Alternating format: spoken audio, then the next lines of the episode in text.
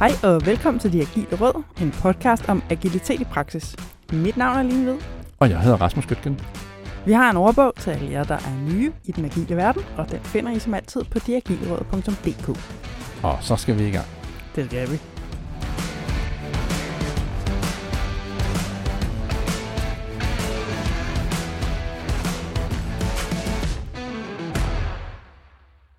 Hej Line. Og Rasmus, Så skal vi i gang igen. det skal vi. Du har taget en gæst med til os. Jamen det har jeg. Åh, hvem skal vi snakke med? Vi skal tale med Ida Borbjerg. Der Okay. er en ny, hun er mere eller mindre ny som, som Scrum Master. Hun har været Scrum Master i uh, halvandet år hos uh, DBC Digital. Okay. Og før det, så læste hun, så hun var simpelthen nyuddannet. Nå, så hun Ja. er næsten lige fra skole. Hun er simpelthen nærmest spritny for skolen, ja. Ja. Men har så lige halvandet år og fået noget erfaring med, hvad pokker det vil sige egentlig at være Mm. Scrum Master ude i den såkaldt virkelige verden. Spændende. Ja. Og hun, hun arbejder så som fuldtids Scrum Master i dag. Det gør hun, ja. Hun er Scrum Master for to teams. Okay. Og øh, jeg skal jo sige, hun er jo simpelthen blevet anbefalet. Og mm-hmm. jeg Mhm. synes, det var så sjovt, da hun blev anbefalet. Der er et lille shout-out til Nana, som arbejder sammen med Ida, og som synes, at hun skulle da i de agile rødder. Ja. Og det fantastiske var, altså der var simpelthen balance i universet, da jeg fik den henvi- den fine øh, henvisning af Nana der. Fordi kort før det, så havde vi to, Rasmus, vi havde talt om, ej, det kunne være fedt at få en ny Scrum Master Mm. i studiet. Altså en, der er ny i den der rolle. Og så gik der to uger eller sådan noget, og så skrev Nana til mig, så jeg var sådan, at vi skal sommer tale med Ida. Ja, selvfølgelig skal vi det. Og, og, og det er jo lige præcis det, der er super spændende. Det er jo at høre om de der nye folk. Nu havde vi jo også uh, Tænder en tidligere, som var forholdsvis ny udvikler. Ja, Hvordan ser hun på det agile? Nu har vi så en forholdsvis ny Scrum Master. Ja. Uh. Og så kan jeg måske også lave en teaser, fordi altså, jeg sidder nogle gange her og ranter og siger, puh her er Scrum Master, og det kræver en seniorprofil. Jeg kan jo forstå på Nana, at uh, Ida, hun er altså god til det her. Okay. Så jeg kan måske æde min ord Ja. efter det her. Oj, det, oh, Ja, det er det. Og nu har jeg jo- ja, jeg har aftalt med hende inden. Øhm, og måske skal jeg æde min ord, eller måske kommer Ida i virkeligheden med opskriften på, hvad man gør, Mm. for at få en Scrum Master til at kunne spille mere eller mindre fra starten. Spændende. Det var en lille teaser. Nej, det må man sige, det må man sige. Hvad, hvad kommer hun så med af baggrund for, for studie? Hun har læst øh, software på ITU, Okay. Men har faktisk også øh, tidligere lavet kortfilm.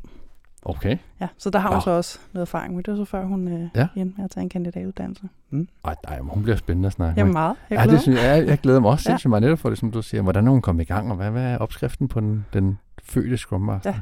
Er der noget, du særlig gerne vil høre om? Nej, men jeg, jeg, jeg tror, det er det der med, hvordan, hvordan griber man det an, når man er ny for, for, for studiet, og måske ikke har den store projekterfaring. Ja. Og måske ikke er vant til at arbejde med mennesker. Ah, ja. Det tænker jeg, altså det er jo det er meget det, vi gør som Scrum Master. Det er Det er, jo, det er jo menneske, øh, dialog og, og coaching og alle de her ting. Men hvad gør man, hvis man ikke har været ude og arbejde i projekter, ikke har været ude at se dynamikken på en arbejdsplads? Hmm. Det tænker jeg måske kunne være meget Ja. spændende at høre. Interessant. Om hun har nogle, øh, nogle gode råd til det til nye. Jeg tror i hvert fald, hun har nogle gode erfaringer og observationer. Præcis. Ja. Do's and don'ts.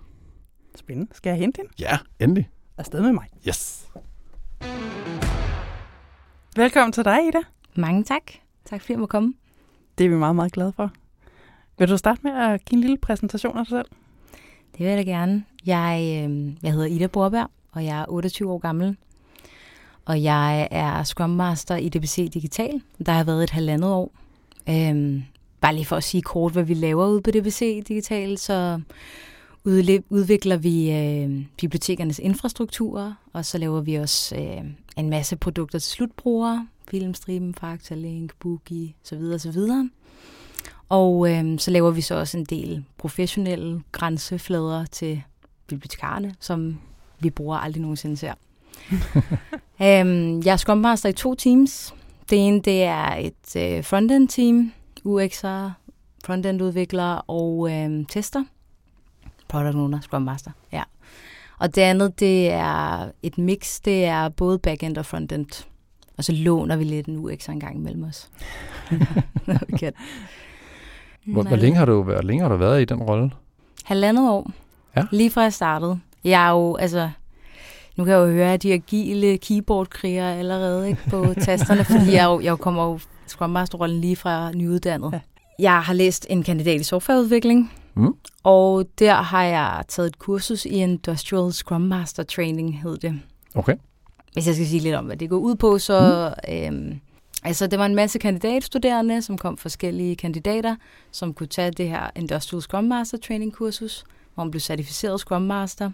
Og så efterfølgende så blev man så parret op med nogle softwareudviklere fra bacheloruddannelsen, og blev så skulle så øh, så var der så en masse virksomheder, som ligesom fremlagde øh, nogle idéer. Det kunne være nogle prototyper, de gerne vil have prøvet af, eller nogle features til nogle allerede eksisterende produkter. Mm. Og så kom de så også med en product owner til at udvikle det her.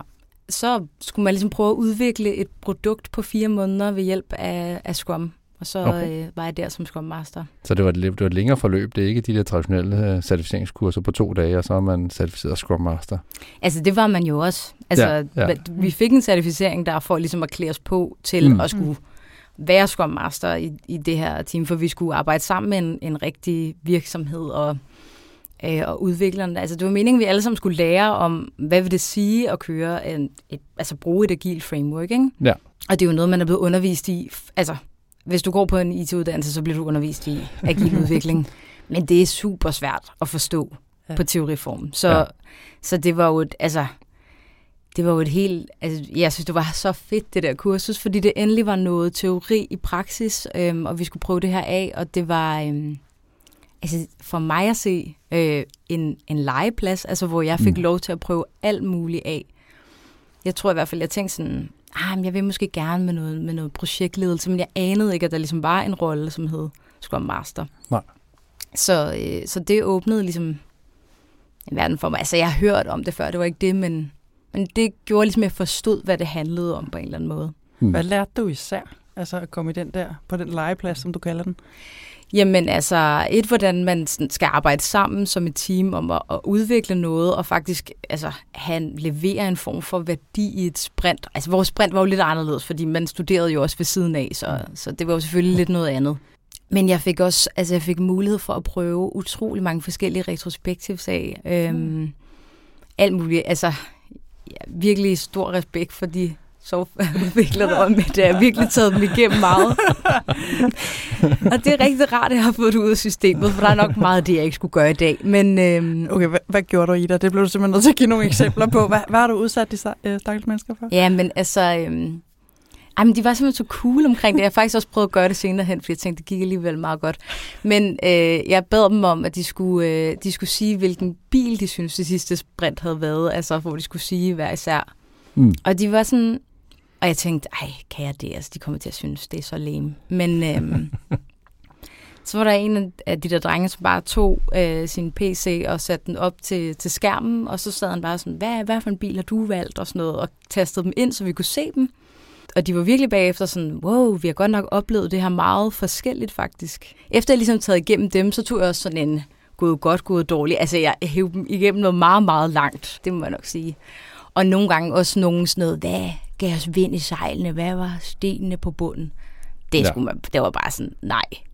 nej. Det var ikke... Øh, nej, det, det tror jeg synes, det var simpelthen for svagt. Så den har jeg aldrig brugt siden her. Jeg har prøvet den med bilen. Ja. Havde, havde I også sådan noget traditionel projektledelse?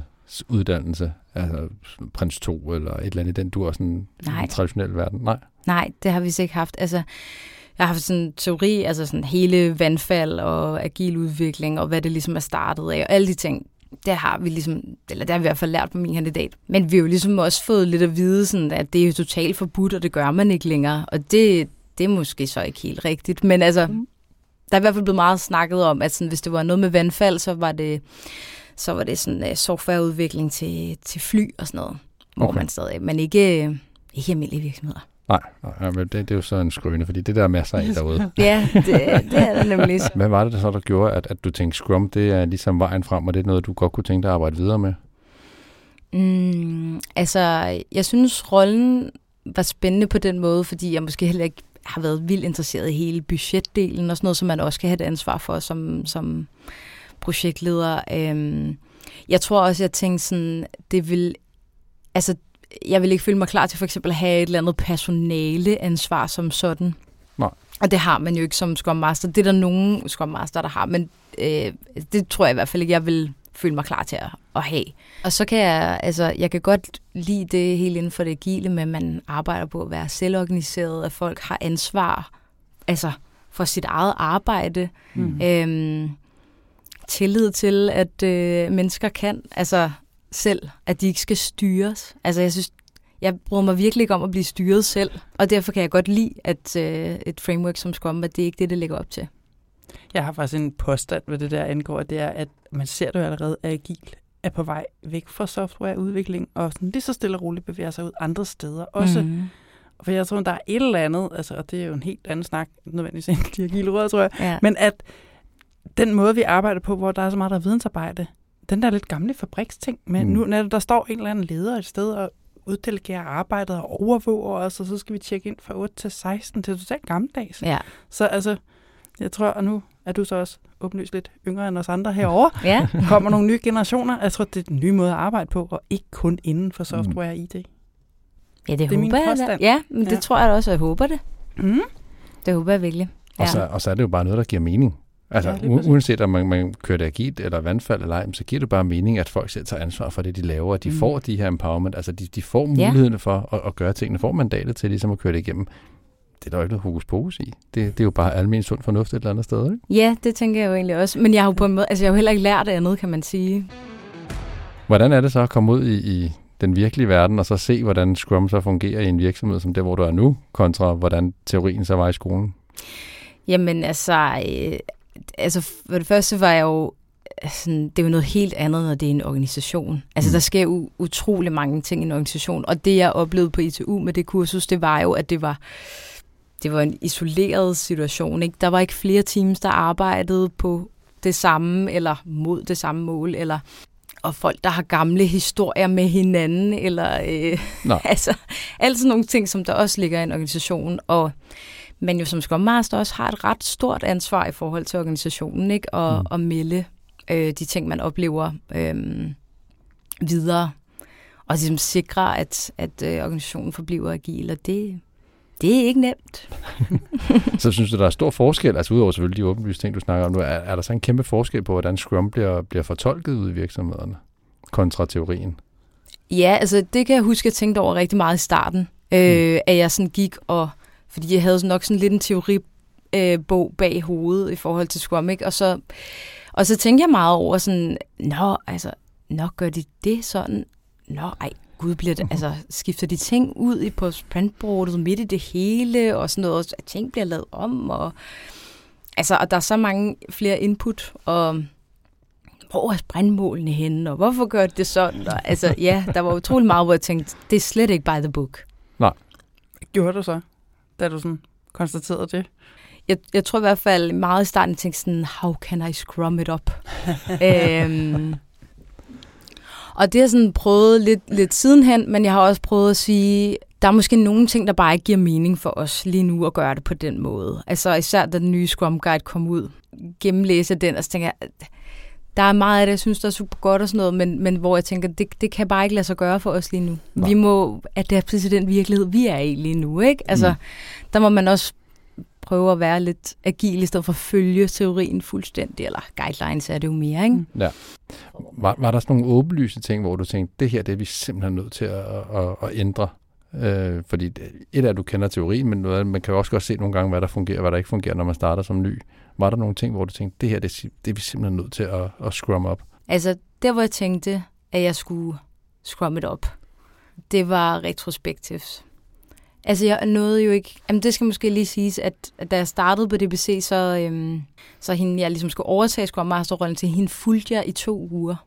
Og så der kunne jeg, der kunne jeg jo bare sidde og lure med øh, hele vejen igennem.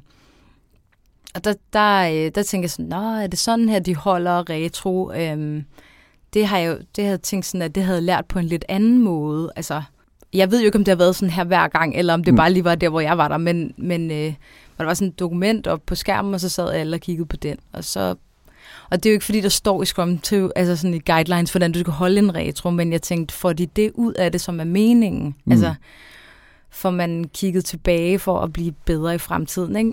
Og det var ikke den oplevelse, jeg havde. Jeg er bare Det- lige nysgerrig, det der dokument. Hvad, hvad var der i det? Hvad brugte de det til?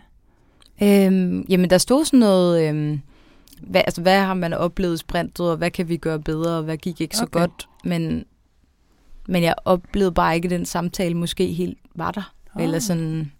Så dokumentet var der, men samtalen var der faktisk ikke? Ja, men altså, det kan jo også være, det er bare, fordi jeg lige var der der, men øhm, jeg tror i hvert fald, fordi jeg selv havde kigget på den der Make Good Teams Great. Jeg tænkte bare i hvert fald, måske lige give en mulighed for at reflektere inden give mulighed for, at man selv kan skrive noget ned på nogle post Altså, altså give folk sådan rum og tid til at, at notere, hvordan de har oplevet sprint. Og så efterfølgende ligesom finde ud hvad kan vi så gøre bedre. Og det, og det prøvede jeg så selv, da jeg ligesom kom alene ud og skulle holde min første retrospektiv. Og det, øhm, så tænkte jeg nu, også fordi det havde, jeg havde oplevet også at være online det sidste stykke tid af mit eget studie, så virkelig glæder mig til, at jeg skulle facilitere. Jeg havde fundet post frem, og jeg havde lavet en tegning med sådan en paraply, fordi der var et eller andet emne. Jeg kan simpelthen ikke huske, hvad det var, som jeg havde hørt rigtig mange snakke om. Og så havde jeg sagt, nu kunne jeg rigtig godt tænke mig at høre fra jer, sådan, hvad er det, der ligger til grund for det her post og skrive ned, og folk skrev en masse på. Jeg tænkte, ej, jeg skal, også, jeg skal have folk til at sige noget forholdsvis hurtigt. Jeg vil gerne have dem alle sammen til at sige noget, fordi det oplevede jeg måske også lidt, jeg synes, at hun var lidt stille nogle gange. Mm. Og så, og så gik det sådan lidt amok derfra, ikke? Og så det blev en masse snak om alt muligt, og altså sådan... Ja, det endte med, at vi fik talt med os om alt muligt, men altså, vi kom ikke frem til noget. Og det, så, så gik tiden, altså tiden løb fuldstændig fra mig, og øhm, Ja, jeg ved ikke, hvad jeg skal sige. Altså, jeg tænker, det var super modigt gjort af mig, men også en lille smule dumt. Altså sådan, måske jeg bare lige skulle have taget nogle gange på en lidt mere sædvanlig vis og holde, tage en lige lidt stille og roligt der. På den anden side, det er jo agilt, ikke? og man skal jo lære. Og siger, du lykkes jo sådan set med første mission, som handlede om, så man får en eller anden form for samtale i gang. Ja. Så må man jo så få styr på samtalen senere. Ikke? Jo. Ja. Jeg synes, og det, det er meget godt Ja, altså, tak, men jeg synes stadig, det kan, altså, det kan stadig være svært nogle ja. gange, ja. altså, fordi ja, altså når man skal nå frem til noget, ikke? og hvordan skal vi løse det, og altså man kan jo hurtigt ende, og ja, man kan også selv hurtigt ende der, hvor man tænker, ej, jamen, det må være noget højere op, der skal laves om, eller det kan vi ikke gøre noget ved, eller et eller andet, ikke? eller det bare bliver brok. Øhm, men, så men det, det er jo også et af de sværeste møder, øhm, synes jeg. Det er jo mm-hmm. retrospektivt. Altså fordi det er, at vi kan alle sammen godt teorien bag, at det er fint, vi sidder og snakker, vi får identificeret nogle punkter, vi skal arbejde på. Hvad ja. er næste step så? Hvordan ja. får vi dem ind på vores backlog? Og før det, hvordan får vi alle til at snakke? Ja. Altså, det er jo ikke alle, der har lyst til at sidde og sige, ej, det, jeg klarede det sgu ikke skide godt, og det var fordi sådan og sådan. Altså, det er svært at få den der dialog mm-hmm. ind. Ja. Og, og det sad vi og snakkede lidt om i vores forinterview, lige når jeg omkring, jamen, hvordan er det så at komme direkte fra mm. studiet, og måske ikke have den her erfaring fra at, at, at, at snakke med, med, nu siger jeg voksne i godsøjne, ja. som har været i gang i mange år, og få dem til at åbne op for, for, for en nyuddannet? Ja, jamen altså det tænkte jeg også utroligt meget over, hvad, altså fordi Ja, der er jo, nu er der også en del det ene team, som faktisk er på min alder. Mm. Øhm, men der sidder også mange, der overhovedet ikke er, som altså, har en helt anden virkelighed, end jeg har en anden hverdag og sådan noget.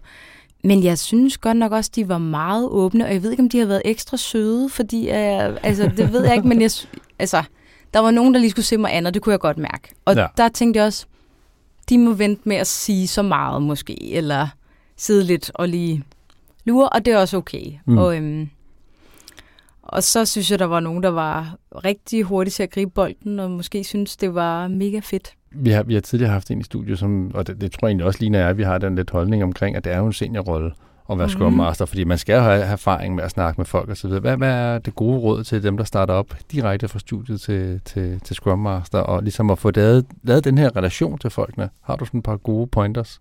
Altså, øhm, for det første, jeg kan godt forstå, at man siger, at det er en seniorrolle og sådan nogle ting. Altså, det, det kan jeg godt sætte mig ind i.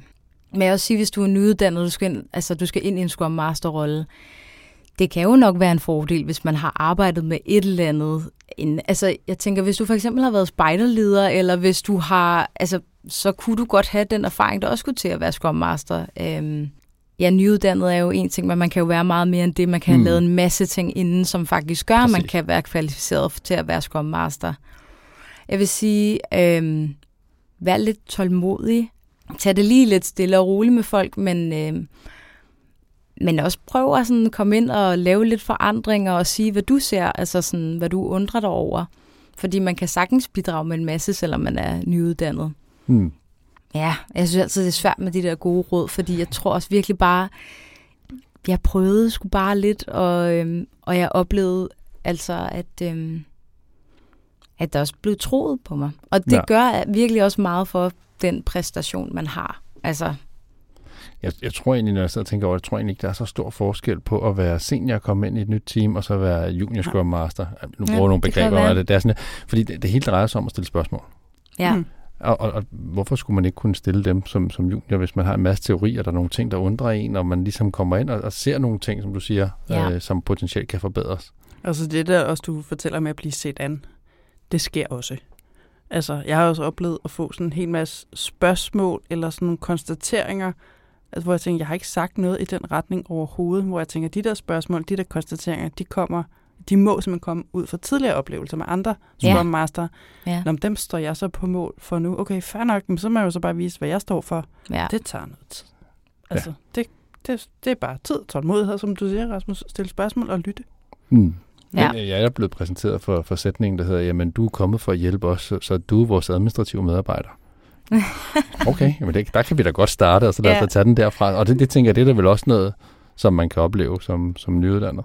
Ja, den, den tror jeg faktisk ikke, jeg oplevede. Men jeg tror mere, jeg oplevede, at der var nogen, der, altså, der lige skulle lige se, hvordan jeg ligesom var, ikke? Øh, og jeg tror, jeg lige synes, at, at der var nogle ting, hvor jeg, oh, det var lige frisk nok. Og så var der andre, der synes det var rigtig, rigtig fedt. Og så gik der lidt tid, og så, så var alle egentlig okay. Men jeg, men jeg synes også, altså, og det tænker jeg, man ved, når man har rigtig meget erfaring, og det var noget, jeg ikke lige tænkte så meget over i starten, for nu har jeg Scrum Master i to teams. Det er, hver team er også meget, meget forskellige. Mm. Og jeg tror i hvert fald også, at jeg i starten kom til at tænke meget sådan ens. Altså, hvis jeg, indf- hvis jeg prøvede at gøre noget på en bestemt måde i det ene team, så gør jeg det også i det andet. Og det matchede bare ikke, fordi de kan være to forskellige steder, og det er forskellige mennesker, og det jeg har da bare tænkt meget over siden, at øh, det gjorde jeg måske meget i starten. Men Ja. det er måske lidt sådan en begynderting, det ved jeg ikke. Men øh, Nå, men ved så er det også naturligt at holde sig til det, man kender til Ja. at starte med, ikke? Og, og så prøve det af. Og jeg tror faktisk, der var en, det var en UX'er, der sagde derude sådan, du kan måske også bare forsøge noget i det ene time, så se, hvordan det går, og så, så prøv at se, om du skal gøre det i det andet også. Og så var jeg sådan, ja, åh, Jeg kan ikke lade være med at tænke, jeg tror faktisk også, du har så haft en fordel der til netop altså at få ekstra erfaring under huden hurtigt. Fordi du faktisk har fået kontrasten. Ja. Frem for at først at skulle være Scrum Master for et Mm. team i et par år, og så måske over til et andet, og så der opdage, hov, de er anderledes. Ja. Du ja, har faktisk fået lov til at opleve det med det samme. det er rigtigt Det nok. tror jeg er ret smart. Ja, det kan godt være, at det har været en, øh, en fordel egentlig. Jeg kunne godt tænke mig at komme en lille smule tilbage til retrospectives. Mm. Fordi jamen, det, er, det er bare så sindssygt svært, og der, der, der er så mange måder at gøre det på. Så hvis du nu spoler sådan, altså fra du startede, og så nu halvanden år senere, Ja. hvordan holder du retrospectives i dag? Og altså, det er også på forskellige måder. Hmm. Fordi at, altså, jeg synes også, jeg har fundet ud af, at hvis jeg laver en retrospektiv på den samme måde hver gang, så, øh, så, så går der også sådan lidt den samme trummerum i den på en eller anden måde.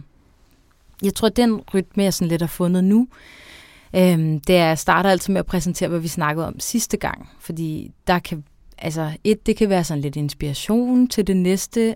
Noget ved det, vi gerne vil, har vi forbedret os. Er der stadig noget, vi ikke er færdige med at snakke om her? Hmm. Og så plejer jeg ligesom at give mulighed for at reflektere øh, i nogle minutter, og så skriver folk ind. Og jeg, efter vi har været online faktisk, så har jeg nogle gange også brugt et online tool til, at folk kunne sidde og skrive ind, fordi man kan lave ret mange øh, post-its på den måde, i forhold til det fysiske. Altså. Ja. Og så varierer det lidt, om jeg øh, lader folk stemme om, hvad vi skal tale om først, eller øh, det er tit, inden da jeg faktisk lige lader, lader folk sige et par enkelte ord om, hvad de har skrevet. Og det er meget svært, for der går hurtig løsningsmode i den der. Og så lige, øh, bare lige kort, hvad var det, du mente med den post-it, sådan, så man har en mulighed, altså så man har noget at stemme ud fra. Ja. Og så kan vi som dem, der er flest stemmer, dem starter med, og så må vi se, hvor langt vi kan nå. Fordi øh, jeg har også lovet meget af, at vi skal holde de her retroer rigtig, rigtig kort. Hvor meget tid sætter I af så? Der er 50 minutter. Vi har også aftalt, at nogle gange godt må lave den lidt længere, hvis, øh, hvis jeg synes, der er behov for det, hvis der er et eller andet større tema, der skal foldes ud. Hmm. Men nogle gange må jeg også godt holde dem kortere. Og det er ekstremt svært, synes jeg. Altså at holde de sådan helt ultra korte retrospectives. Hvad, hvad er så processen fra, når I har stemt og fundet nogle actions? Hvordan får I så dem ind på backloggen? Hvordan får I arbejdet med dem i løbet af det kommende sprint?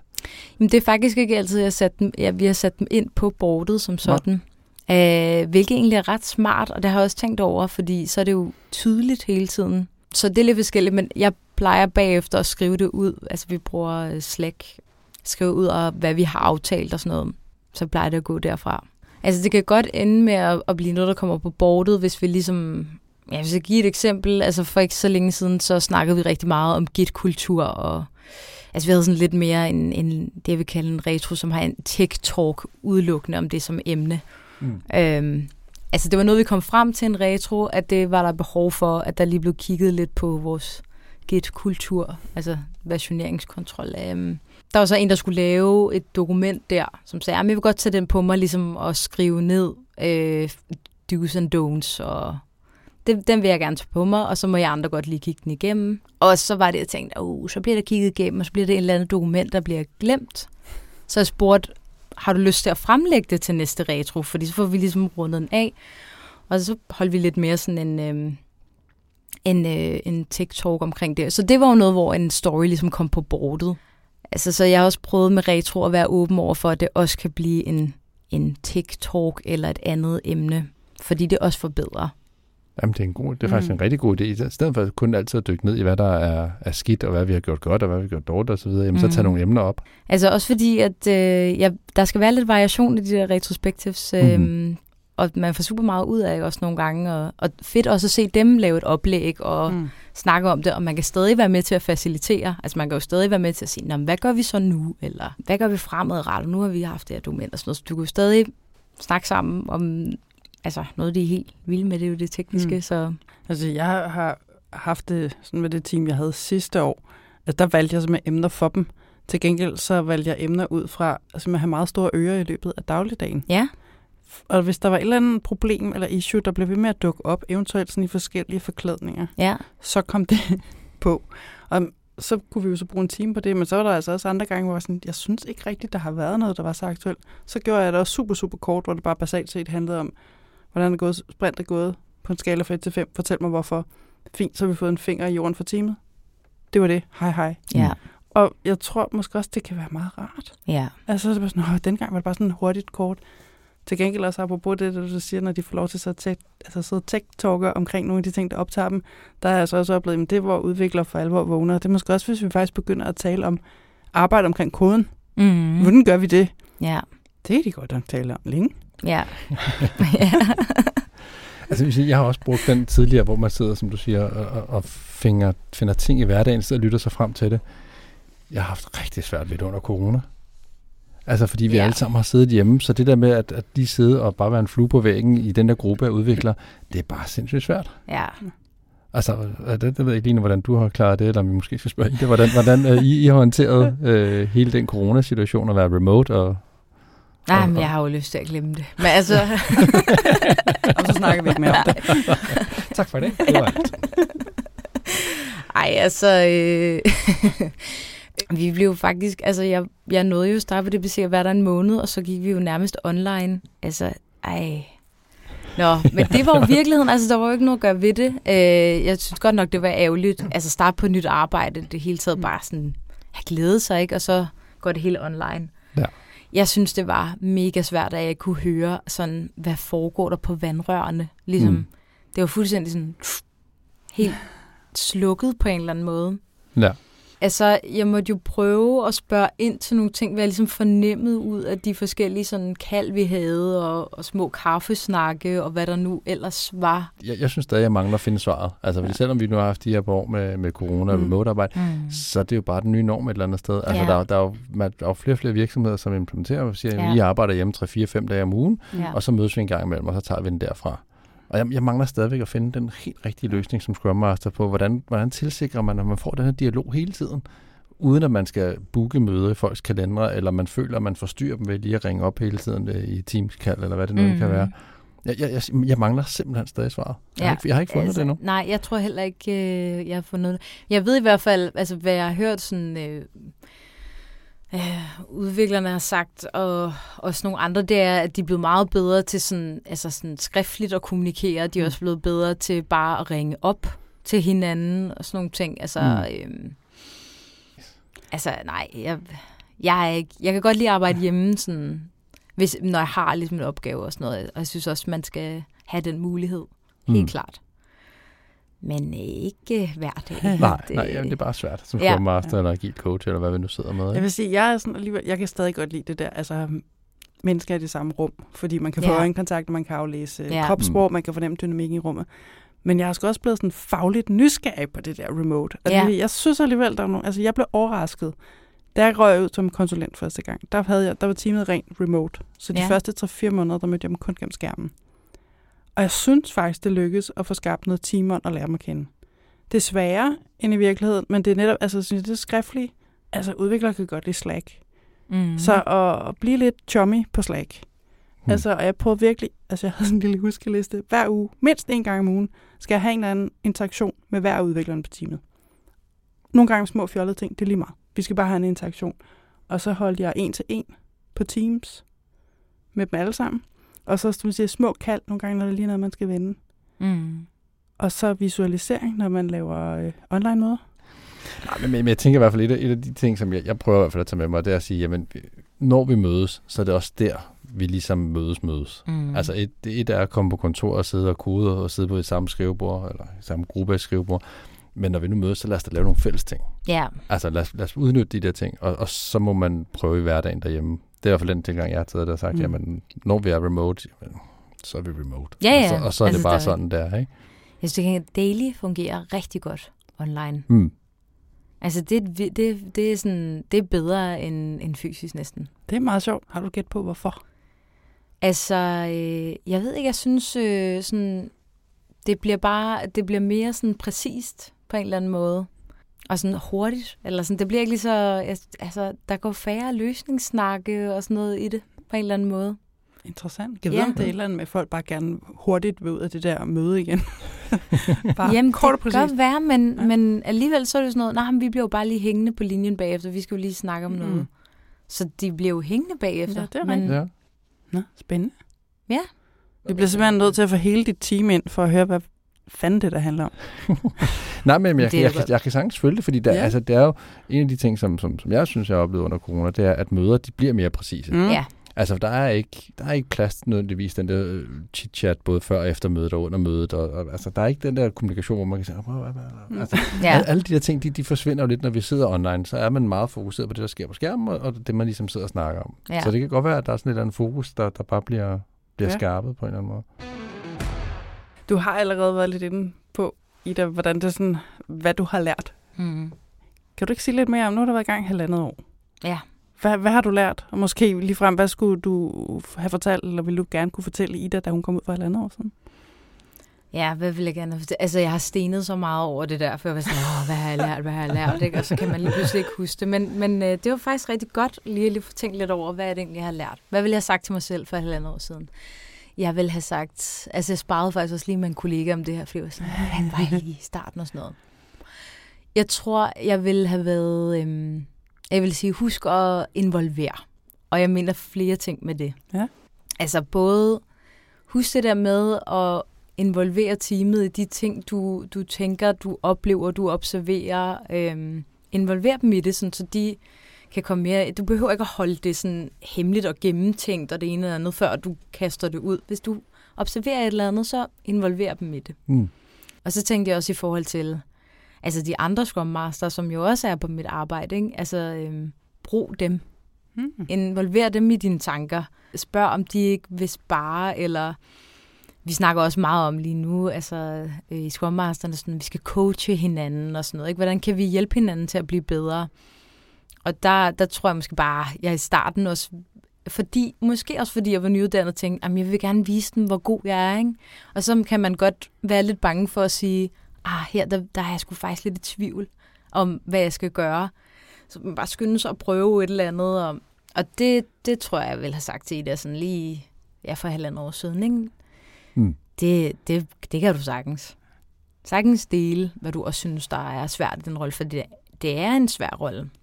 Det er sindssygt svært. Ja. Nu nævner du så det der med ligesom at, at dele med teamet om, omkring tanker og så videre. Hvor, hvor tidligt tager, tager, tager du teamet med i dine tanker? Er det fra, åh, oh, nu har jeg en idé, jeg ved faktisk ikke, om den er, er klar til noget som helst. Hvad siger I? Eller hvordan? Øhm, jeg prøver at, altså sådan, Øh, hvis det er nogle lidt større sange, så prøver jeg faktisk at holde det til at vente til retrospektiv. Men det er også fordi, jeg prøver virkelig også at tænke i, ikke at forstyrre for meget og sådan ploppe alle mulige ting ind. Men nogle gange så står man også bare lige og har en snak om et eller andet, og så passer det bare ind, og så siger jeg, jeg har forresten også tænkt på det her, eller jeg har den her idé, eller sådan, hvad synes I om, hvad synes I om det? Så vil jeg typisk også gøre det måske efter daily, fordi så er man allerede afbrudt. Men jeg prøver ikke at, at spamme for meget. Nu nævnte du så også det med omkring sparring med, med Scrum Master imellem. Har, har I ligesom, jeg ved ikke om I kører safe for jer, eller om... Nope. Har, har, så I har ikke sådan nogle, jeg har jo nok lignende med sådan nogle community of practice og så Yes. videre. Hvordan, hvordan håndterer I det uden for et safe miljø? Øh, jamen, altså, vi har i vores øh, Scrum Master-netværk, der har vi et, øh, et praktisk møde, kalder vi det. Mm. Det er sådan mere alle de praktiske ting, som... Øh, jeg ved ikke. Det kunne også være sådan noget ferieplanlægning, eller må jeg lige vise jer det her tool, jeg har fra det her Jira plugin, alt muligt. Øh, nu skal vi huske et eller andet, der sker om lidt. Altså, alt muligt, sådan lidt mere kedeligt praktisk, som vi taler sammen om. Vi laver også en form for daily, hver gang vi så mødes, for lige at prøve det selv. Okay. Sådan lige at meddele om, hvor, hvad har man lavet, hvad, der, altså, hvad sker der. Ja. Lige tage egen medicin en gang. Ja, Mm. Det lyder meget sundt. Ja, helt sikkert. Ja. det kan jeg godt lide. Men kommer der så noget ud, altså er, er I gode som Scrum Master, og nu er det ikke for Mhm. mm-hmm. at, at, at spørge direkte til jer, men, men oplever du, at Scrum Master gerne vil dele? Altså fordi et er selvfølgelig, at vi beder vores teams om at gøre det, men hvad med Mhm. os selv? Gør vi det selv? Jeg tror også, vi har haft en lidt lang vej hen, derhen egentlig, faktisk. Mm. Øhm, vi har også nogle, altså sådan nogle faglige møder, som vi har også hver anden uge, hvor vi taler om mere sådan faglige ting, og kan dykke ned i noget, og har læst noget, og lyttet til en podcast, et eller andet, taler om det, og så også, hvad vores egne oplevelser er ud for det. Men jeg tror, at det er sådan virkelig på det seneste, måske efter vi er kommet mere fysisk tilbage, er det sådan, hey, må jeg ikke lige, altså jeg har tænkt mig at gøre det her til eller jeg tror, jeg skal ind og have den her samtale, eller sådan, hvad, hvad, øhm, hvad råder du mig til, eller sådan, hvad skal jeg gøre? Og, ikke, og helst ikke, hvad råder du mig til, helst sådan, coach mig igennem det, så jeg selv kan finde svaret, ikke? Altså det, øhm, det er noget, jeg tror, vi vil, det vil vi rigtig gerne arbejde videre med, og blive Mm. bedre til at spare med hinanden, og coach hinanden, for at prøve det sådan lidt på egen krop også. Er der noget, du tænker, fordi det har vi egentlig også spurgt en af vores tidligere øh, gæster om, er der noget, du tænker, du egentlig godt kunne tænke dig at ændre med Scrum? Er der noget, hvor du ligesom siger, "Jamen, når jeg nu kommer udefra og ser den måde, som vi kører øh, sprintene på, og de her Mm. møder og events, og hvad vi nu ellers har, er der noget, du tænker, Ej, det der, det giver simpelthen bare ikke mening i min verden? Altså, jeg har, ald- jeg har ikke fået sådan helt øh, hånd omkring det der produktmål og sådan noget. Det, det har slet ikke sådan overhovedet tænkt over særlig meget. Noget andet er, som jeg synes, Scrum ligger rigtig meget op til, det er utrolig lange møder, som jeg synes, det, der tror jeg, at man skal til at følge lidt med, fordi det er ikke det, jeg ser, der er optakten egentlig for tiden. Det er, at det, sådan, det skal være lidt kortere, præcise møder. Nogle snakker om sådan noget fire dages arbejdsuge. Jeg er sådan, uh, hvad vil Scrum gøre? Altså, hvad skal vi gøre der, ikke? Altså, fordi du mister alligevel en dag, og hvis du skal bruge rimelig lang tid på at holde hvert event, hvad gør du så? Mm. Så det, det er noget, jeg tænker rigtig meget over, når jeg kigger igennem guiden. Uh, hvordan skal vi lige adapte til, til det? Ja, nej, men lige præcis omkring mødelængden, og det, som du snakker om, præcise, altså præcis agenda til, til daily mm. stand-up og så videre. Det tænker jeg, det, det er jo også noget, vi skal have gang i til planning og til retro og så videre. Yes. Er, er det noget, som, som du tænker, du fokuserer på bevidst? Ja, det prøver jeg virkelig, og det tror jeg, fordi at, øh, jeg, der har været altså sådan en snak og en stemning om det derude også. Ikke? Altså, også sådan, at hvis vi skal holde de retroer hver en uge, så må du også lige... Altså, altså, så skal du være klar i spyttet. Ja. Det er jeg ikke altid, men jeg prøver virkelig, og jeg prøver virkelig at holde sprint review øh, tight. Og nogle gange har jeg også tænkt sådan, åh, har jeg stresset også lidt mig selv ved, altså fordi man skal jo også opnå formålet. Og så kan jeg måske næsten nogle gange tænke for meget over, sådan, det må ikke blive for langt, og hold timeboxen, og det ene og det andet. Den, altså, jeg synes, det er lidt svært, men jeg prøver virkelig at sådan, jeg brugte meget sommerferien på hele tiden at være sådan, hvad er det formålet er med det her, hvad er det vigtigste, hvordan kan, og det var også sammen med de andre Scrum Master, hvordan kan man formulere i meget sådan korte sætninger, mm. hvad de forskellige ting handler om, og så får man ikke altid sige det samme.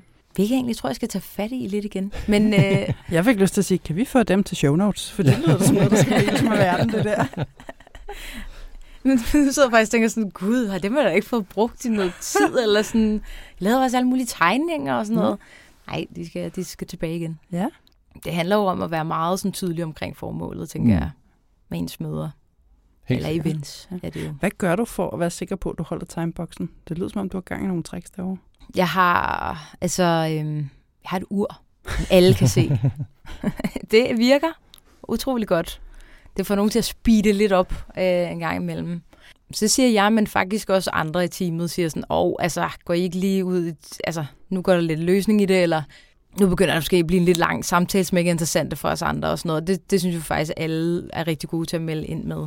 Nogle gange, hvor jeg tænker, ej gud, det skulle jeg da næsten have sagt, det der skulle jeg ikke. Men øhm, lige så fint, at andre siger det jo. Men Helt sikkert. Helt sikkert. Det Ja. viser jo bare, at teamet begynder at tage det til sig, Ja. og selv kan være, være selvstyrende. Ikke? Ja. så tror jeg, at jeg laver meget sådan nogle...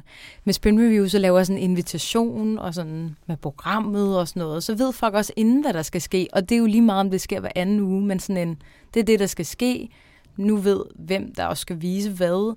Du kommer cirka på der. Altså, det er ikke, fordi jeg har sat tidspunkter på, men det er sådan... Mm. Så ved man ligesom sådan, hvornår man skal være lidt klar. Og alligevel, så kan det jo godt klokke lidt i det, men altså, det er også okay. En af de ting, jeg, jeg synes, jeg oplever derude, det er, at der er et efterspørgsel for, for alle omkring møderne, at, at vi har mere præcise agendaer. Vi har ja. ligesom mere, hvad er fokus, hvad er formål for ligesom at komme ud af det her møde med, med et godt resultat. Ja. Og det var en ting, de arbejder lidt på at sige, jamen, jeg, jeg vil simpelthen, jeg er selv ret dårlig til det, men jeg vil simpelthen tvinge mig selv til at, at skrive agendaen, skrive fokus, Ja. skrive formålet og, og igen goalet for, hvad er det, vi, vi skal arbejde på. Ikke? Ja, det vil jeg da også sige, jeg skulle lige til at skælde ud, Rasmus. Jamen, jeg ved det godt. Der er der ikke noget værre end et møde uden formål. Nej, og især når jeg prædiker også selv at sige, det er okay at sige nej til et møde. Hvis, hvis, du ikke, hvis ja. Ja. du ikke føler, at du kan Mhm. bidrage til det her møde, så er det okay at sige nej. Det er endnu bedre, hvis man ikke aner, hvorfor man er blevet indkaldt. Ja, præcis. Men det er utrolig svært at sige nej til et møde. Altså, det er mm. faktisk virkelig svært at sige nej tak, det der, det er ikke noget for mig. Så der tænker jeg også nogle gange, hvordan, hvordan får man lige skabt en kultur, hvor man faktisk føler, det er okay at sige, Hmm. uden nogen skal blive sure eller noget, ikke? Strategien kan faktisk godt være at- stille spørgsmål i stedet for. Netop, øh, jeg har lidt svært ved at se, hvorfor jeg er blevet indkaldt til det her møde. Kan du fortælle mig, hvad min rolle er? Så har man jo ikke sagt, fanden, gud nej, jeg Nej. vil ikke det her. Nej. Man Ja. har bare stillet et høfligt spørgsmål. Og nogle Ja. gange får man svaret, nej, det ved jeg, det er, jeg, nej, jeg, det er bare, jeg vil, jeg vil sørge for, at alle var med. Super, ved du hvad? Du sender mig bare referatet. Ja. Lige præcis, hvis der bliver skrevet et. Ja, det er jo så lige den anden sag, ikke? Og det er endnu bedre. Møder uden formål. Og ingen opsamling med, hvem der nu gør hvad. Rettere sagt, en times spild af tid. Ja, Ja, Og- og, og- super fedt. og det er jo en af de ting, der bliver brokket sig over Ja. i det agile. Vi mødes alt for meget. Ja, Det, det er måske en opfordring derude, også til mig selv. Sørg nu for at have præcise mødeindkaldelser. ja altså, ja. Og, og en god struktur og sådan noget på. Altså, jeg holdt virkelig løst retro for en uge siden. Jeg har også lige været syg og sådan noget, så var jeg lidt ikke så forberedt. Der var også lige en, der kom og sagde sådan, det er lidt bedre, når det er struktureret. Så, og det, jeg synes faktisk, det var meget fedt. Det var meget fedt. Jeg skulle lige altså, ja. Jeg var faktisk rigtig glad. Først blev jeg lige sådan lidt, ej, jeg har lige været syg, og sådan, havde lidt ondt af mig selv, ikke? Men så var jeg sådan, ej, hvor fedt, at du egentlig bare sagde det, eller sådan, ja. for det, er jo- Og, det og giver jo også mig en følelse af sådan, ja, jeg skal fandme være forberedt. ja, og der er en, der har tillid til, at man kan godt gå til Ida og sige det. Ja, Altså, det, Ja. det tegner altså på tillid, så det, ja, Ja, trygt miljø. ja lige det- præcis. Og så, altså, jeg bliver altså også lidt glad, fordi jeg er helt officielt hende der strukturfascisten, og det ved Rasmus, jeg kan godt lide lister, og, og jeg bliver også nogle gange, okay, nogle gange skal, jeg skal jeg lige slappe lidt af. Så de der gange, hvor jeg måske også af en eller anden grund ikke får forberedt mig godt nok, når jeg så opdager, at tingene ikke fungerer lige så godt, så er det alligevel meget, okay, så er der en grund til den der struktur. Jeg spurgte dig, hvad har du lært, og hvad kunne du godt tænke dig at sige til Ida for halvandet år siden? Mm. Men hvad har du brug for at lære? Hvad udfordrer stadig? Et, altså, det kan også være, fordi jeg lige med de andre Scrum Master har været lidt sporet ind på hele det her coaching noget, ikke? Øhm, det tænker jeg sådan, det er, det, er en, det er en challenge for mig, altså. Det, øhm, det er jo sådan noget, vi har begyndt at læse på, sådan, men det, ja, det, den har, det er ikke sådan noget, hvor jeg tænker, den mestrer jeg bare 100%. Det gør jeg ikke. Men så det vil jeg gerne være ærlig at sige. Det, Mm. Og det er, en, det er en ret stor del af Scrum Master-rollen også, Mm. at være coachende.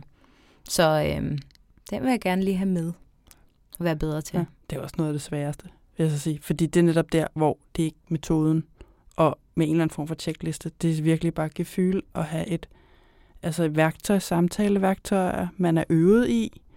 Ja. Og så kan man både fornemme mennesket og fornemme, hvor vi er på vej hen, og hvilke muligheder har vi, og hvad kan jeg gøre næste gang. Og, altså, så er hende, der så er uddannet coach. Men det, altså, det er Mm. virkelig, Mm. det er både noget, man skal både lære og træne. Ja. Og det gør man altså ikke på nu. Nej, altså jeg tænker også meget sådan forhold til at coache et helt team og sådan noget. Altså, der, der er også bare en ting er at coache en person og sådan noget, men noget andet er det et helt team. Begge dele, tænker jeg, det... Tænker du, det ville være, have været en fordel, hvis du havde haft det med fra studiet? At der ligesom havde været noget mere coaching, inden du kaster dig ud i Scrum Master-rollen, eller er, er det et perfekt tidspunkt nu, hvor du ligesom har Scrum ind under huden og, og rollen ind under huden og gå i gang med, med coach-delen også? Altså, jeg tror ikke, jeg havde... Altså, hvis det lige var, der var startet, så tror jeg ikke, jeg havde kunne tage det ind også, egentlig, Nej. hele det coachende. Men jeg synes, det havde været super godt, hvis vi også havde lært det på studiet, fordi jeg tænker, om man vil være Scrum Master eller ej, så tror jeg, man kan lære en ting eller to, faktisk, øh, om hvordan man måske jeg ikke styrer mennesker så meget, ikke? Altså mm. bare fortæller dem, hvad de skal gøre. Og sådan. Så på den måde jeg tænkt, det havde været rigtig godt. Men der havde sikkert synes nogen, der havde været sådan, nej, vi skal jo kode. Hvad skal jeg med det? Men altså... Jeg vil faktisk våge påstå, at alle mennesker burde bare have sådan en mini-kursus i coaching. Fordi det handler så meget om at lytte til andre og mm. være nysgerrig og prøve at forstå andre. Og hvis jeg virkelig skal svinge mig op på en helt høj hest, så siger jeg, at verden ville blive et bedre sted, hvis alle havde en, bare en lille smule coaching. Har, har, du lagt en, har du lagt en plan så for, hvordan du, du bliver mere erfaren coach? Øhm, ja, altså øh, jeg har lagt en plan med de andre. Ej, altså der er nogle af dem, de har lidt mere erfaring med coaching, men øh, vi har søgt, søgt på markedet efter øh, kurser. Mm. Øh, og så også sådan lavet en, altså jeg tror det, lidt, det er den model, vi gerne vil gå nu, når vi sparer med hinanden for at øve det. Mærke det sådan selv. Ja. Træne det der mm. først, før man bare sådan kaster sig ud i det foran alle. Det, øh, så, så det er det næste step på vejen, det er ligesom at, at dykke ned i coachingverdenen. Ja, og jeg har allerede læst øh, en del om det, og det, det er virkelig, virkelig spændende. Mm. Øh, og jeg tænker, det bliver, det bliver en udfordring. Det agile manifest. Det agile manifest. Det agile manifest. Det er jo, det er jo jeg vil ikke sige, det er vores bibel, men, men det er jo i hvert fald, det, det er i hvert fald et, et sted, hvor Line og vi godt kan lide at, ligesom at dykke ned i og sige, at det, det, er jo, det er jo grundlaget for den måde, vi gerne vil have vores tankegang. Har, har, hvad, hvad er din holdning til det agile manifest? Jamen faktisk, altså jeg hørte jo jeres podcast, og tænker jeg, det kunne godt være, at jeg lige skulle lave et eller andet med det agile manifest ved min computer, så jeg lige kunne kigge på, sådan, hvad er det lige, altså hvad er det, hvad er det vi vil have over noget andet, ikke? Mm. Men, men jeg har faktisk ikke tænkt så meget over det agile manifest siden øh, kandidaten, for der, jo, der var vi igennem det agile manifest, og jeg er sikkert kun det udenad, fordi jeg skulle op til en eller anden eksamen i software engineering, men, øh, men jeg var faktisk lige sådan, fordi jeg, jeg havde jeg blev også lidt irriteret men at kigge på det, fordi jeg troede faktisk, der var noget om, øh, om brugerne. Men det er jo customer collaboration. Der var jeg sådan lidt, nå. Så kiggede jeg jo lidt, hvad skulle jeg så vælge ikke? af de fire? Jeg synes faktisk, det var lidt svært. Men jeg tog, hvad hedder den, øh, samarbejde og... Er det samarbejde og interaktioner over... Øh, processer og værktøjer. Men, men det er jo faktisk, hvis man har lyttet til nogle af de tidligere episoder af vores podcast, så er det jo den, jeg elsker. Mhm. Altså fordi det er jo det her med at, øh, individer og interaktioner, altså den måde, som vi samarbejder mm. på. Ikke? Og, og ja, selvfølgelig er processer og værktøjer også vigtige, men det andet, det er jo, det er bare det vigtigste. Hvordan, hvordan tager du det med til dig i, i hverdagen? Altså, jeg, jeg tror, at grund til at også tænke over det, det er fordi, altså, det er ikke vel taget imod, hvis det hele bliver processorværktøjer, ikke? Altså, mm. den skal man øh, holde lige lidt tilbage med. Jeg kan huske, at der var en, der sagde, da jeg startede øh, i det ene team, sådan, jeg kan godt frygte lidt, at øh, det bliver sådan noget, nu tager vi Lego-klodserne frem, ikke? Og så, så går vi i gang, øh. så, så det skal jo ikke, det skal jo hele skal jo ikke handle om proces, og egentlig jeg synes jo også, hvis man skal sige noget om Scrum som framework, at det er jo faktisk ret lightweight. Altså, mm. der er masser af ting, som er op til dit team selv, fuldstændig, hvordan du vil lave dine taktikker og strategier i dit eget lille team. Ja. Den frihed er der ligesom. Så alt det, der er jo meget vigtigere end, øh, end hele tiden at køre proces og tools. Ja. Du sagde, du var skuffet over ikke at finde brugerne. Ja. Hvorfor det? Øh, jamen det tror jeg, det er fordi, det er sådan en Jamen, det er faktisk noget, ja, der er to ting i det. Den ene er, at øh, jeg synes, det er utrolig svært det sådan i framework, hvornår skal man slutbrugerteste i Scrum? Altså, hvornår er man, har man så meget færdigt af en version, at man rent faktisk kan teste hos nogen? Hvor meget skal man teste på slutbruger inden? Er ud og snakke med stakeholders og sådan noget?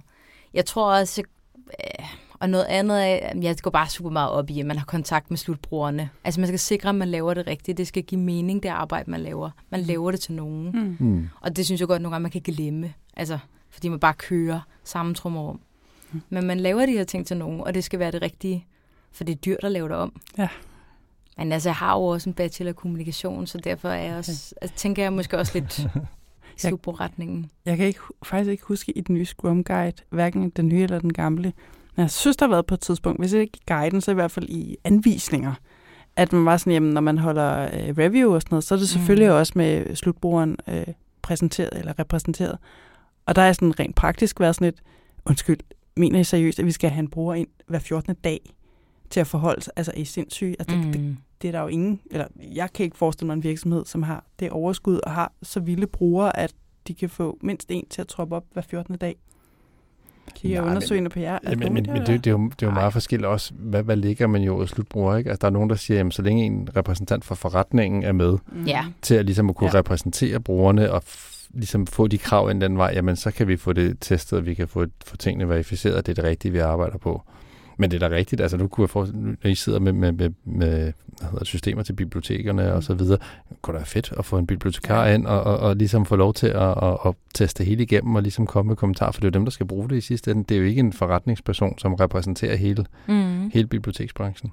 Vi er meget heldige der, for der sidder faktisk også bibliotekarer ude ved DBC. Ah, Okay. Så der har vi jo faktisk fedt. nogle er slutbrugere der. ja. Men det er, jo, altså, det er jo lige så meget dem, der er ude af huset. Ikke? Ja. Det, er jo, det er jo der, den kan være svær. Jeg har været med til at facilitere nogle brugertest i faktisk på flere af de arbejdspladser, jeg har været på tidligere. Ja. Og det er mega lærerigt. Og faktisk, at jeg var i Bolga, der, altså fordi man skal jo både, der skal sidde en og interviewe til de her tænke højt test, og så sidder der nogen og tager noter. Og det er fordi, man har rigeligt at gøre med at stille de rigtige spørgsmål, mm. og spørge ind til, hvad der foregår på skærmen og sådan noget. Og så sætter man nogen til at tage noter, mindst to. Og der har vi altså også haft succes med at invitere nogle af udviklerne med. Det synes Ja. faktisk, det er ret interessant. Ja. Altså, Mm. det, vi du har kørt altid sådan igennem med fem-seks stykker. De gad ikke at sidde til noter til dem alle sammen, men de var, altså flere af dem ville gerne lige, bare lige se et par stykker. Ja. Og det, og det synes jeg faktisk, jeg har mødt hos mange udviklere, det der, men de er bare bevidste om, at de laver noget til andre mennesker. Mm. Så det der også for, for dem at få lov til at se et andet menneske bruge deres kode, det vil de helt vildt gerne. Mm. Det har været det super giver da fedt. egentlig god mening. Det giver mega god mening. Men jeg tænker også, der er jo så meget imellem UX og udvikler tit, altså med de ting, og skal man finde den rigtige løsning og sådan noget, det er jo altså vildt fedt også for, tænker jeg, for dem, der sidder som UX'er og, Ja. ja. og udviklerne at være sammen om det, altså at se, hvordan der er slutbrugere, Ja. hvordan skal de ligesom Ja. gøre det rigtigt, lave den, den gode løsning. Ja, bare os andre, som har stirret fuldstændig blinde på det der produkt, og derfor godt ved, at knappen sidder jo bare lige dernede. Hvorfor kan du ikke finde mm. den? Mhm. Det er simpelthen så sundt. Når man har set tre mennesker sidde desperat og lede efter den samme knap, så, altså, så folder man jo som bare sådan, ja, okay, vi skal have flyttet den. Ja. Det er helt åndssvagt, det der. Ida, du skal have tusind tak, fordi du vil være med. Mange tak, fordi jeg måtte. Hvis nu der sidder nogen derude og rigtig gerne vil finde dig ude på det store internet, hvordan kan de så finde dig? Jamen, så er det LinkedIn. Ida Borberg. Ja. Super, vi linker til din profil, så kan alle finde dig. Tusind tak, fordi du var ja, med. tak fordi du var tak med. fordi jeg måtte. Så fik vi lukket Ida pænt ud af studiet igen. Det gjorde vi. Hvad, hvad siger vi til det, Rasmus? Ja, men som altid er det jo en god snak. Ja, det, det er jo altid et privilegie at få, få folk ind og, og ligesom få en, få en Scrum-snak. Ja. Eller hvad man skal sige, en agil snak. Så det, det synes jeg var dejligt. Ja. Og så er det jo spændende at få en ud fra studiet igen. Altså, når du siger, at hun er fra studiet, det er hun jo ikke helt. Nej. Altså, hun er jo halvanden år inde i, i opgaven, ikke? Ja. Øh, eller i rollen. Men det, jeg synes, det er spændende at høre om. Var der noget, du sådan særligt blev mærke i? Ja, Men, men jeg kan sige, hvis vi, hvis vi sådan skal, skal tage fat i hendes studietid, altså det der med, at de har en Scrum-simulering, altså Ja. ja. de ligesom prøver at køre det igennem og har et Scrum-kursus i en given periode, ikke sådan måneder, hvor de ligesom bliver stillet ud for forskellige udfordringer osv. Det synes jeg jo er, er genialt. Fuldstændig. Altså det, det, Det er klæder, så godt tænkt. Ja, det er det. Det Ja. klæder, dem jo, det klæder jo de her, og jeg hader at bruge ordet, men det klæder jo de her junior Scrum Master lidt bedre på. Meget bedre. Altså, fordi de har en idé omkring, hvad er det, der skal ske, hvad er det for en proces, de skal ud og arbejde med, hvad er det, der skal ske på den anden side. Så kan det godt være, at det ikke er, er gamle sure mænd, de arbejder sammen med i, i, på studiet, men at, at det er unge udviklere, som stadig er under, under uddannelse.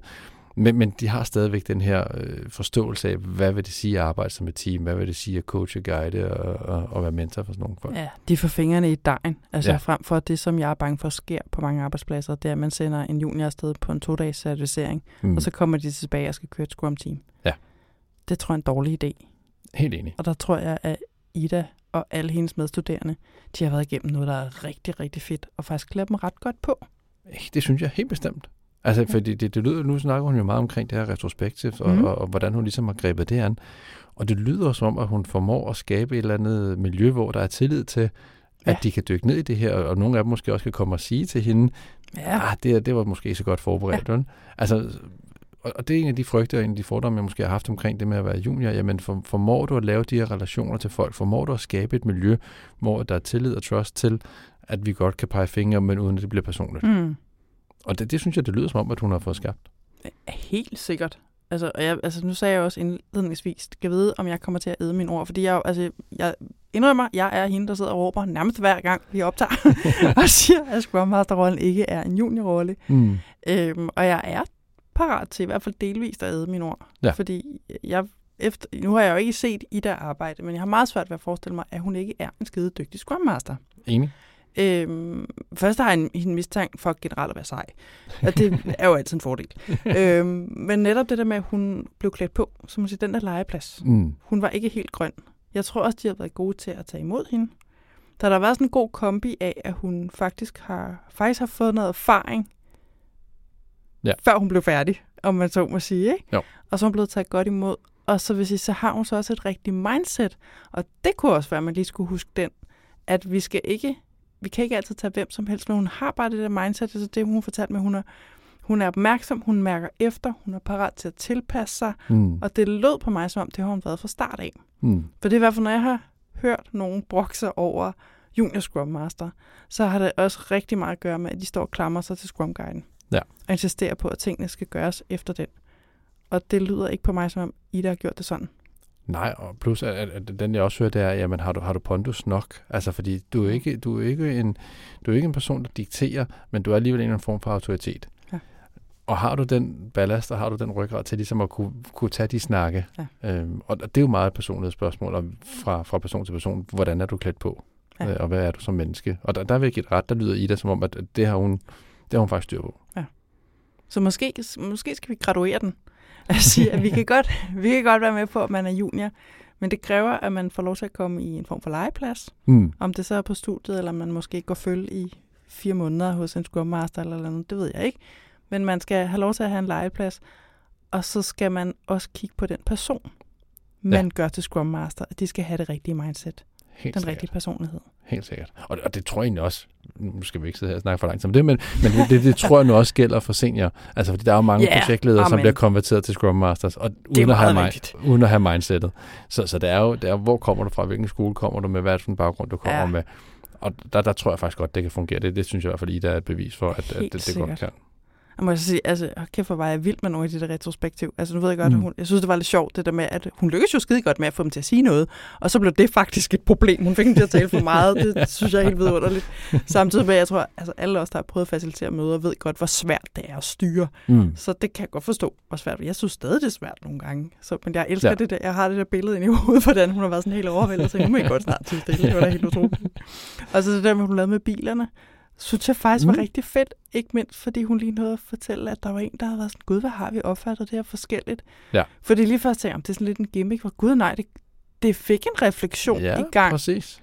Det, det blev jeg helt vild med. Ja, jamen, jeg, Jeg vil også prøve at lege med biler.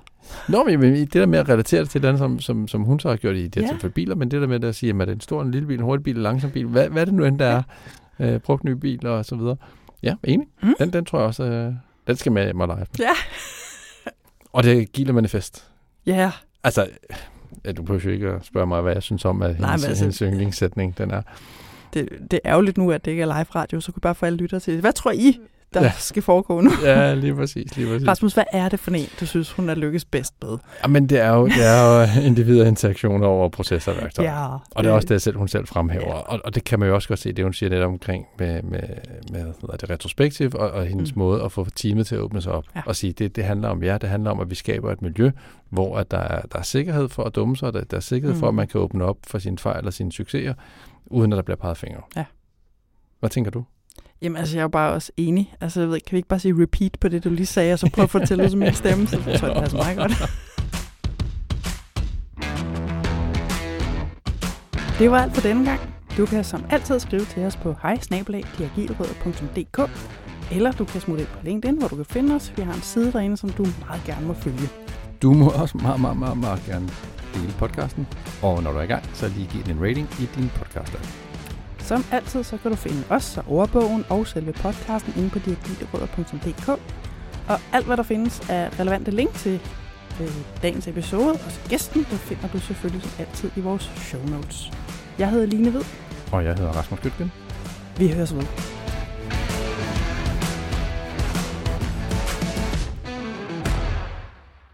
Okay, jamen det kan jo være, at jeg bare skal fortsætte med at sige velkommen til De Agile Rødder, denne gang i Corona Edition. I kommer til at høre en del hosten, og måske lyder Rasmus mærkelig. Ja, det, det gør jeg helt sikkert. Hvorfor synes jeg, at jeg selv er meget lav, og det var mig, der er... Det ved jeg ikke. Du er lige så høj, som du plejer. Er det rigtigt? Jeg har ikke, jeg altså har ikke, sunket, jeg har ikke sunket siden. Kig op på Skrumpet efter at have haft corona.